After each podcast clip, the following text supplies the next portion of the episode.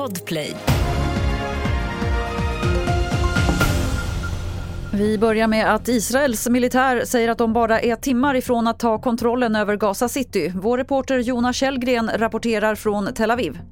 Även om den israeliska armén säger att ja, de är timmar från att börja gå in och att det kommer ta så och så lång tid så kommer det här bli en otroligt svår militär operation. Det handlar ju inte bara om strider ovanför mark, det handlar också om strider i tunnelsystemet under marken i en otroligt komplex stadsmiljö. Det här är Eh, för militärplanerare någonting som kan räknas som ett, ja, ett mardrömsscenario eller ett otroligt svårt scenario i alla fall. Så det kommer leda till stora förluster, givetvis på Hamas sida men också på den israeliska sidan.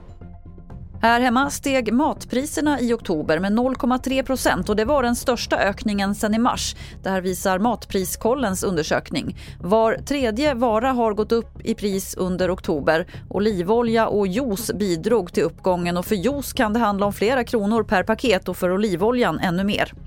Till sist kan vi berätta att SMHI fortfarande varnar för höga flöden i Gävleborg och delar av Västernorrland, Dalarna och Västmanland.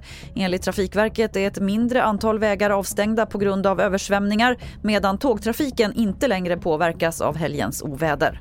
Fler nyheter finns på tv4.se. Jag heter Lotta Wall.